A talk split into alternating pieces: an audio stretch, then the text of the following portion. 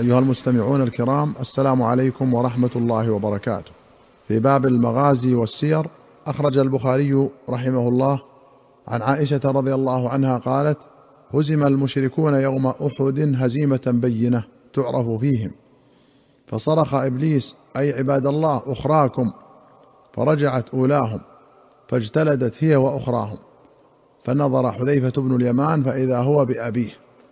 فقال أبي أبي قالت فوالله من حجزوا حتى قتلوه. فقال حذيفة يغفر الله لكم. قال عروة فوالله ما زالت في حذيفة منها بقية خير حتى لقي الله. قوله أخراكم أي احترزوا من جهة أخراكم. وفي رواية ابن إسحاق فقال حذيفة قتلتم أبي. قالوا والله ما عرفناه وصدقوا. فقال حذيفة يغفر الله لكم. فأراد رسول الله صلى الله عليه وسلم أن يديه. فتصدق حذيفة بديته على المسلمين فزاده ذلك عند رسول الله صلى الله عليه وسلم خيرا. وأخرج مسلم عن أنس رضي الله عنه أن النبي صلى الله عليه وسلم أفرد يوم أحد في سبعة من الأنصار ورجلين من قريش فلما رهقوه أي اقتربوا منه قال من يردهم عنا وله الجنة أو هو رفيقي في الجنة. فتقدم رجل من الأنصار فقاتل حتى قتل.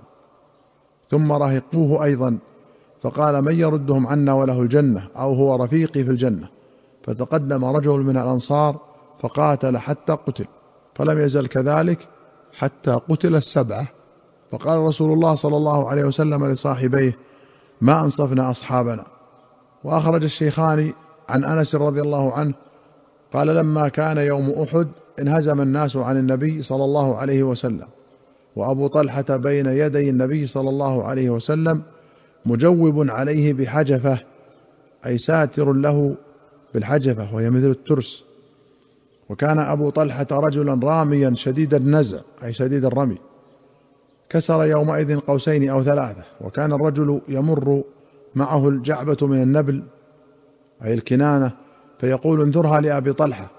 قال ويشرف النبي صلى الله عليه وسلم ينظر إلى القوم فيقول أبو طلحة يا نبي الله بأبي أنت وأمي لا تشرف يصبك سهم من سهام القوم نحري دون نحرك ولقد رأيت عائشة وأم سليم وإنهما لمشمرتان أرى خدم سوقهما تنقلان القرب على متونهما ثم تفرغانه في أفواه القوم ثم ترجعان فتملآنها ثم تجيئان فتفرغانه في أفواه القوم ولقد وقع السيف من يد أبي طلحة إما مرتين وإما ثلاثا من النعاس.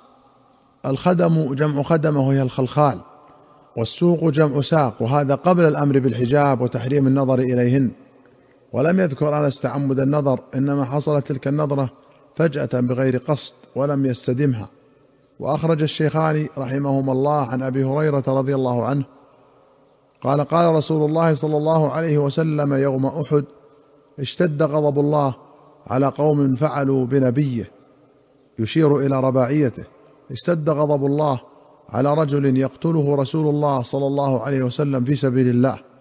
وأخرج مسلم عن أنس رضي الله عنه أن رسول الله صلى الله عليه وسلم كسرت رباعيته يوم أحد وشج في رأسه فجعل يسلت الدم عن وجهه ويقول كيف يفلح قوم شجوا نبيهم وكسروا رباعيته وهو يدعوهم إلى الله. فأنزل الله عز وجل ليس لك من الأمر شيء أو يتوب عليهم أو يعذبهم فإنهم ظالمون. وأخرج البخاري عن جابر بن عبد الله رضي الله عنهما قال اصطبح الخمر يوم أحد ناس ثم قتلوا شهداء. الحديث دليل على أن تحريم الخمر كان بعد أحد. وأخرج البخاري عن جعفر بن عمرو بن أمية الضمري قال خرجت مع عبيد الله بن الخيار قال خرجت مع عبيد الله بن عدي بن الخيار. فلما قدمنا حمص قال لي عبيد الله هل لك في وحشي؟ نسأله عن قتل حبزة. قلت نعم. وكان وحشي يسكن حمص. فسألنا عنه فقيل لنا هو ذاك في ظل قصره كأنه حميت. فجئنا حتى وقفنا عليه يسيرا فسلمنا فرد السلام. وعبيد الله معتجر بعمامته ما يرى وحشي.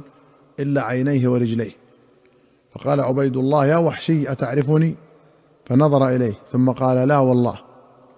إلا أني أعلم أن عدي بن الخيار تزوج امرأة يقال لها أم قتال بنت أبي العيص فولدت له غلاما بمكة فكنت أسترضع له. فحملت ذلك الغلام مع أمه فناولتها إياه فلكاني نظرت إلى قدميك. فكشف عبيد الله عن وجهه. ثم قال ألا تخبرنا بقتل حمزة؟ قال نعم. إن حمزة قتل طعيمة بن عدي بن الخيار ببدر. فقال لي مولاي جبير بن مطعم إن قتلت حمزة بعمي فأنت حر.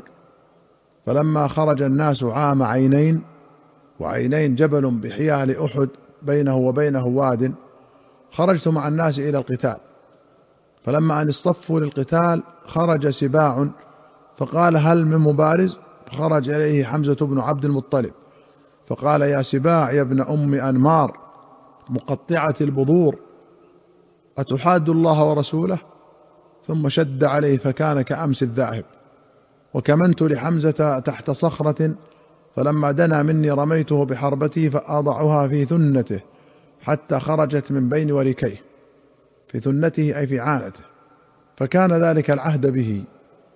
فلما رجع الناس رجعت معهم فأقمت بمكة حتى فشى فيها الإسلام ثم خرجت إلى الطائف فأرسلوا إلى رسول الله صلى الله عليه وسلم رسلا وقيل لي إنه لا يهيج الرسل فخرجت معهم حتى قدمت على رسول الله صلى الله عليه وسلم فلما رآني قال أنت وحشي؟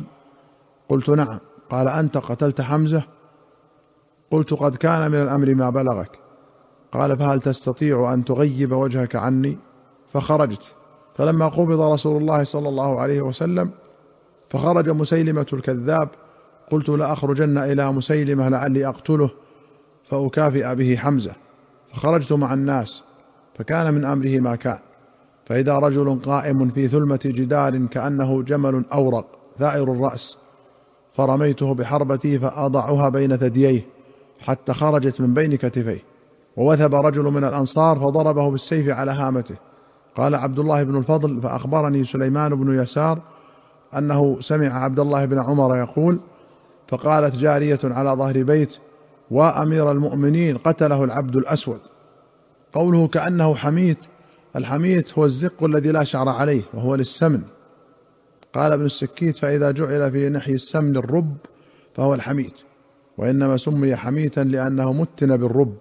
والاعتجار لف العمامة على الرأس ورد طرفها على الوجه وقوله عام عينين عينين جبل بحيال أحد ونسبه إليه لأن قريشا نزلوا عنده يوم أحد.